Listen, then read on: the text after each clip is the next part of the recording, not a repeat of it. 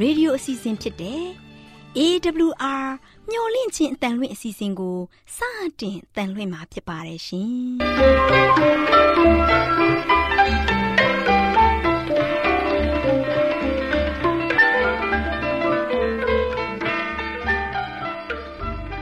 တော်တာရှင်များခင်ဗျာမျော်လင့်ခြင်းအတန်မြန်မာအစီအစဉ်ကိုနက်နက်6နိုင်မိနစ်30မှ9နာရီအထိ16မီတာ kHz 10653ညညပိုင်း9နာရီမှ9နာရီမိနစ်30အထိ16မီတာ kHz 19533ညမှ နေ့စဉ်အတန်လှွင့်ပေးနေပါတယ်ခင်ဗျာ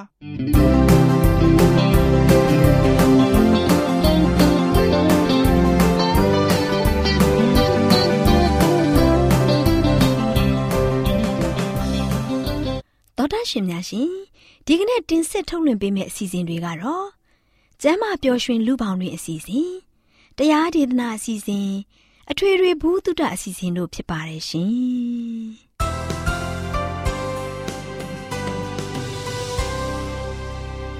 တော်တာရှင်များရှင်အာရော temperament လာပန်ကျမ်းမာခြင်းသည် လူသားတိုင်းအတွက်အဓိကအရေးဖြစ်ပါသည်ဒါကြောင့် ကိုရောစိတ်ပါကျမ်းမာစေဖို့ယင်ကျမ်းမာခြင်းတရင်ကောင်းကို တင်ဆက်ပေးလိုက်ပါတယ်ရှင်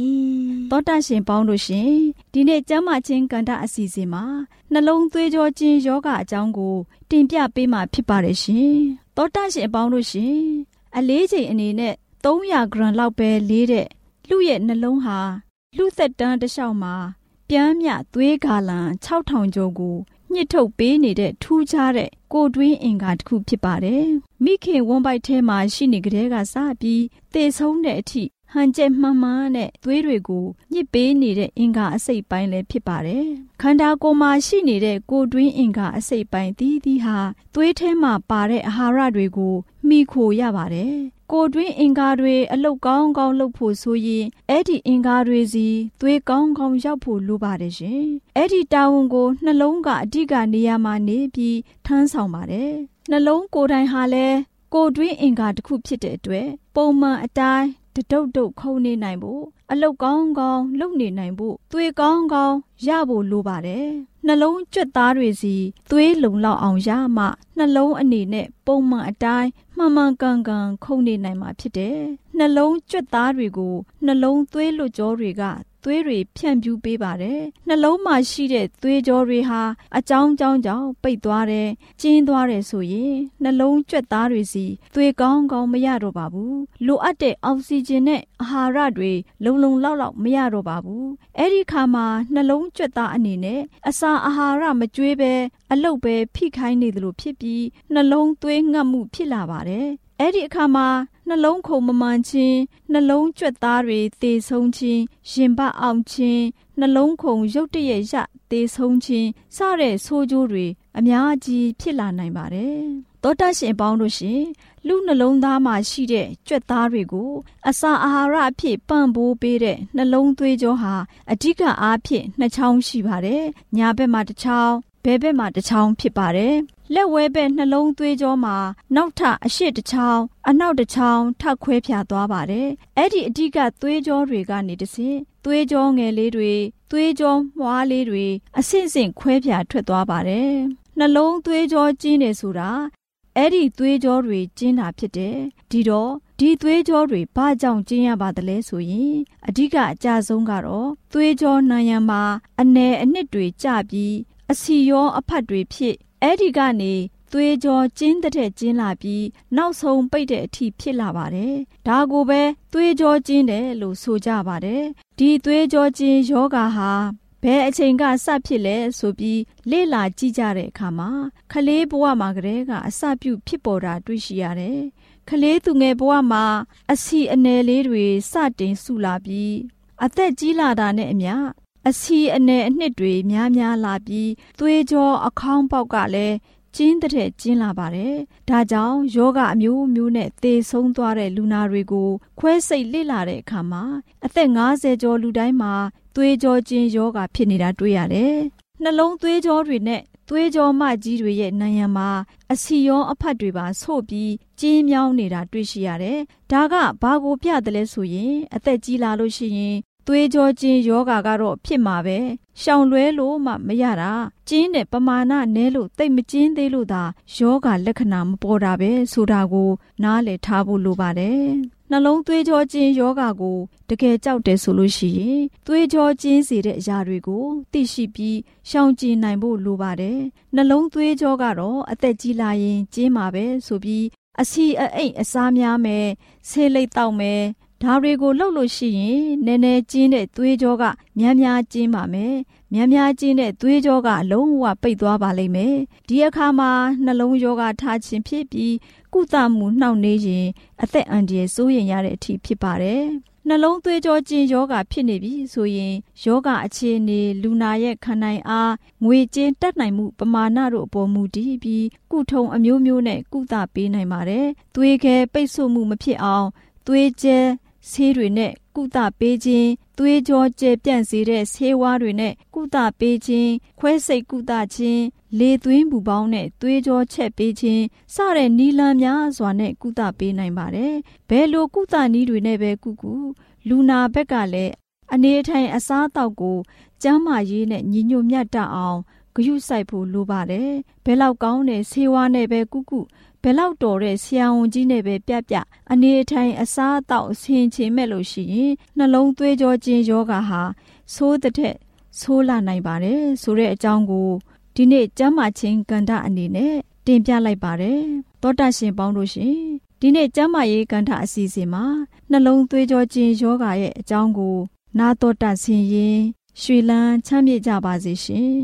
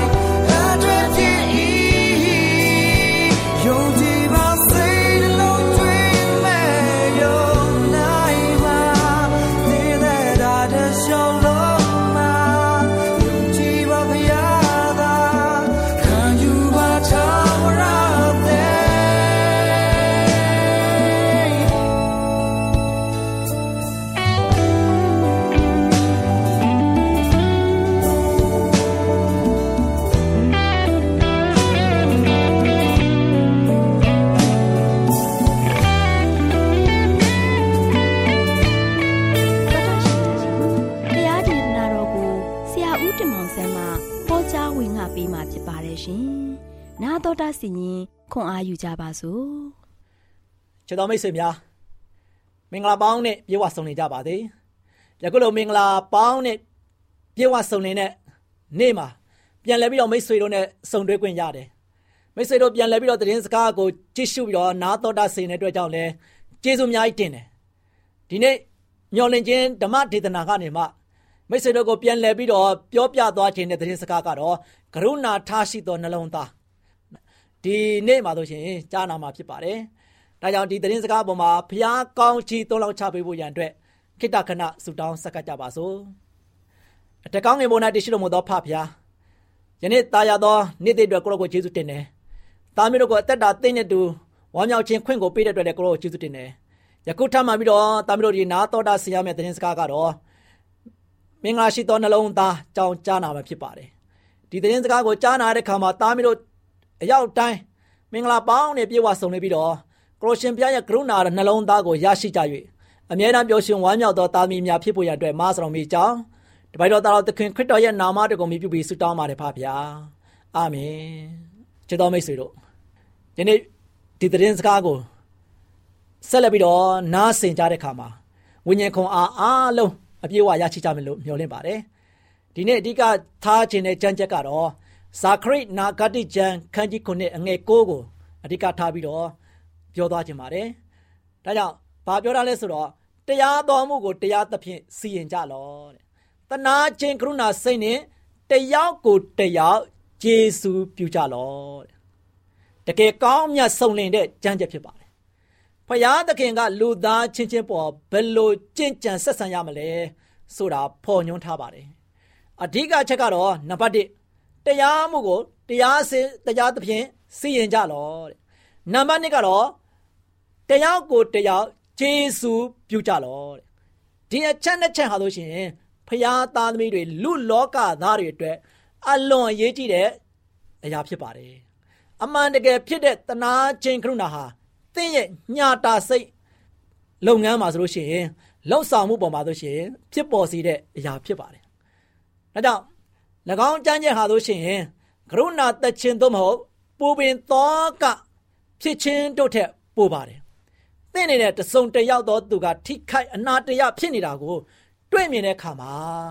သူ့အတွက်တစုံတရာကိုပြုတ်လို့ပေးလိုက်တာနဲ့တနာခြင်းကရုဏာသဘောမျိုးဖြစ်သွားပါတယ်။သခင်ယေရှုတကဘာမျိုးဂျေးပေါ်မှာရှေ့တင်ခါမှာလို့ရှိရင်သူ့ရဲ့စိတ်နှလုံးဟာလို့ရှိရင်တနာခြင်းကရုဏာနဲ့ပြေဝနေပါတယ်။ထိခိုက်နာတရဖြစ်နေတဲ့သူများအားလုံးထံ သူလက်လန်းကြိုဆိုခဲ့တယ်။သူကလမ်းမပေါ်မှာလို့ရှိရင်ရှိနေတဲ့ခါမှာလမ်းပေါ်မှာတောင်းစားနေတဲ့တောင်းသားတယောက်ကိုကြော်ဖြတ်သွားပြီးတော့ထားရစ်တော်မူခဲ့ပြီးတော့အိုးစိတ်မကောင်းစရာပဲ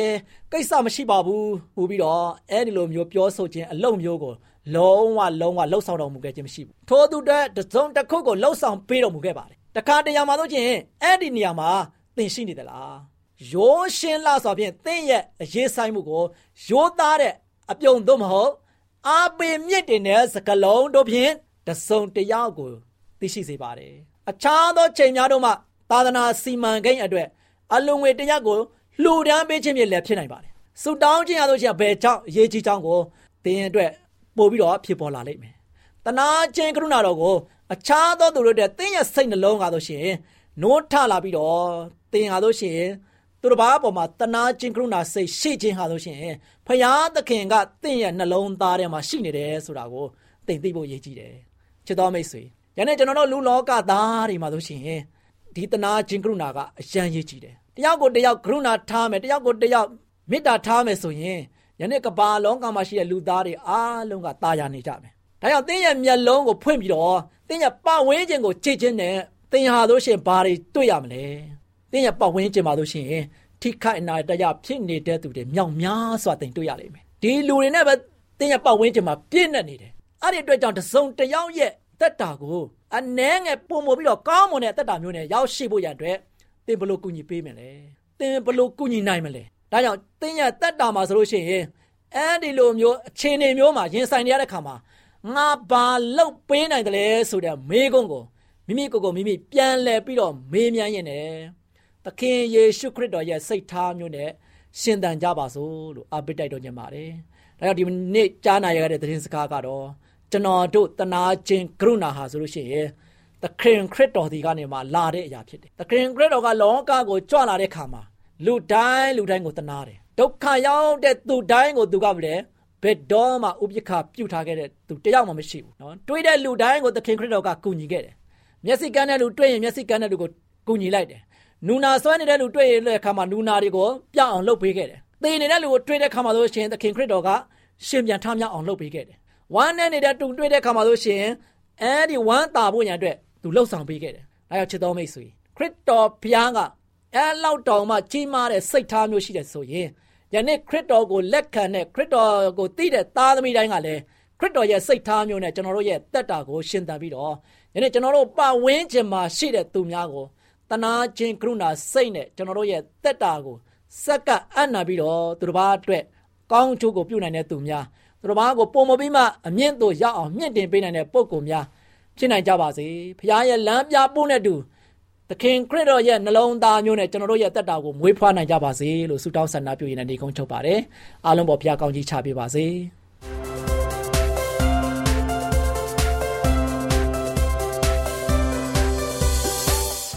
လင့်ခြင်းတန်တော်တာရှင်များကိုမင်္ဂလာပေါင်းနဲ့ပြည့်စုံတဲ့နေ့ရက်လေးဖြစ်ပါစေလို့နှုတ်ခွန်းဆက်သလိုက်ရပါတယ်တော်တာရှင်များရှင်စကားပရိသမင်္ဂလာစီစဉ်မှာစံပြစာရိတ္တတိဆောက်ပုံအကြောင်းကို တင်ပြပေးသွားမှာဖြစ်ပါတယ်။လေးစားရတဲ့မိသားစုဝင်များနဲ့အုတ်ထိန်သူများတို့ရှင်။သားသမီးငယ်လေးတွေရဲ့ စက်တရေနဲ့ပြည့်စုံတဲ့ရိုးသားမှုကိုကလေးငယ်တွေမှာရှိတဲ့အာမန်တွေနဲ့အတူမိဘတွေရဲ့ရင့်ကျက်မှုတွေနဲ့တွန်းတင်ပေးဖို့ဖျားသခင်အလိုရှိတော်မူပါတယ်။တချို့ကလေးငယ်လေးတွေဟာကလေးဘဝစစ်စစ်ကိုမခံစားခဲ့ရပါဘူး။ကလေးဘဝရဲ့ရိုးစင်းမှုလွတ်လပ်မှုနဲ့ဖူးသစ်လန်းဆန်းမှုတွေကိုတခါမှမခံစားခဲ့ရပါဘူး။ စူပူကျိမ်းမောင်းတာဆုံးမရိပ်ပုတ်တာအဖက်မတန်ဥပခါပြူတာတွေကိုသာခံခဲ့ရပါတယ်။ဒါကြောင့်မို့နောက်ဆုံးမှာသူတို့လေးတွေစီမှာရှိတဲ့အပြစ်ကင်းတဲ့သဘောပွင့်လင်းတဲ့စိတ်သဘောတွေကကြောင်ရွံ့တဲ့စိတ်သဘောမနာလိုဝန်တိုတဲ့စိတ်သဘောနဲ့လိမ်လည်လှည့်ဖြားတဲ့စိတ်သဘောအသွင်ကိုပြောင်းသွားကြပါတယ်။ဒါကြောင့်မို့လေးစားရတဲ့မိသားစုဝင်များနဲ့အုတ်ထိန်သူတွေကကြမ်းတဲ့စကားကိုပြောတာ အကျဉ်းနာမဲ့တဲ့အပြုမူတွေကိုရှောင်ရှားပြီးသူတို့လေးတွေကိုတွန်းတင်လန်းပြပေးဖို့အရေးကြီးလာပါတယ်။မိသားစုဝင်တွေနဲ့အုတ်ထိန်သူတွေရဲ့ဆုတောင်းပေးမှုနဲ့ကြက်မှတ်မှုမရှိဘဲကြီးပြင်းလာတဲ့ကလေးငယ်တွေဟာခက်ခဲတဲ့အတွေ့အကြုံကာလမှာပျော်ရွှင်မှုကိုမခံစားကြရပါဘူး။မနစ်မျိုးစရာကောင်းတဲ့အကျင့်စရိုက်တွေကိုတီးဆောက်လာတတ်ကြပါတယ်။ ဒီလိုကလေးတွေဟာတသက်လုံးလေးတဲ့ဝင်းတွေကိုထမ်းနေကြရပါတယ်။အခက်အခဲတွေစိတ်ပျက်စရာတွေစုံစမ်းနှောက်ယှက်မှုတွေနဲ့ရေးဆိုင်ရတဲ့အခါသူတို့လေးတွေအနေနဲ့စီကံတကြလေးကျင်ထားခြင်းမရှိတဲ့သူတွေနောက်ကိုလိုက်သွားတတ်ကြပါတယ်။စိတ်တလူနေစိတ်တလူစားခွင့်ရတဲ့ကလေးတွေဟာပျော်ရွှင်မှုကို မခံစားကြရပါဘူး။သောတာရှင်များရှင် သားသမီးလေးတွေကို လေးကျင့်ပညာပေးချုပ်တဲ့တာကအလွန်မှကြီးမားတဲ့ဇာရိတပြပြမှုရဲ့အချင်းခံအုတ်မြစ်ဖြစ်ပါတယ်။ကျမတို့ရဲ့ပြောသံဆိုသံဖော်ပြနေတဲ့စိတ်သဘောတွေကို သားသမီးလေးတွေက အတုခိုနေကြပါတယ်။လေးစားရတဲ့မိသားစုဝင်များတို့ရှင် ကျမတို့အနေနဲ့သားသမီးလေးတွေကိုမိမိတို့ပေးခြင်းတဲ့နမူနာပုံစံအတိုင်းသူတို့လေးတွေရှေ့မှာပြုမှုလှုပ်ဆောင်သင်ကြပါတယ်။ဒါအပြင်မိဘတွေအပေါ်မှာသားသမီးလေးတွေအနေနဲ့ယုံကြည်စိတ်ချမှုရှိဖို့လိုအပ်ပါတယ်။ဓမ္မသားလင်းတစ်သက်လုံးဆွဲမှတ်သွားစေတဲ့သင်ခန်းစာတွေကိုမိဘတွေစီကရယူနိုင်မှာဖြစ်ပါတယ်။ မိဘများတို့အိမ်ချောင်းလေးဟာသားသမီးလေးတွေအတွက်သာမက မိခင်အတွက်လည်းစီကံထိမ့်သိရေးကြောင်းတစ်ကြောင်းဖြစ်ပါတယ်။မိခင်တူအနေနဲ့သားသမီးလေးတွေအတွက်စံနမူထားလောက်တဲ့အထိစိတ်ထိန်နိုင်သူဖြစ်တင်ပါတယ်။ကျင်နာယူရစွာနဲ့ပြုစုပြောထောင်နေစဉ်မှာသူမရဲ့အပြောအဆိုအပြုအမူတွေကဝိညာဉ်တော်ရဲ့ကျေးဇူးတော်တွေနဲ့ပြည့်ဝနေစေဖို့လိုအပ်ပါတယ်။ ကျမတို့အနေနဲ့မိမိကိုယ်ကိုချုပ်တီးနိုင်ဖို့ချုပ်တီးနိုင်ပြီဆိုရင်မိမိတို့ရဲ့သားသမီးလေးတွေကို ထိန်းချုပ်ရမှာအောင်ပွဲဆင်နိုင်မှာဖြစ်ပါတယ်။တော်တာရှင်မိသားစုဝင်များတို့အနေနဲ့လည်းမိမိကိုယ်ကိုချုပ်တီးလျက်မိမိတို့ရဲ့သားသမီးလေးတွေကိုထိန်းချုပ်ရမှာအောင်ပွဲဆင်နိုင်သူများဖြစ်နိုင်ကြပါစေ။အိမ်တော်မိသားစုဝင်များအားလုံးအပေါ်သာရဘုရားသခင်ထံတော်မျက်စီမှငြိမ်သက်ခြင်းကောင်းချီးမင်္ဂလာများ သုံးလောင်းချပေးပါစေလို့ဆုတောင်းပေးလိုက်ရပါတယ်ရှင်။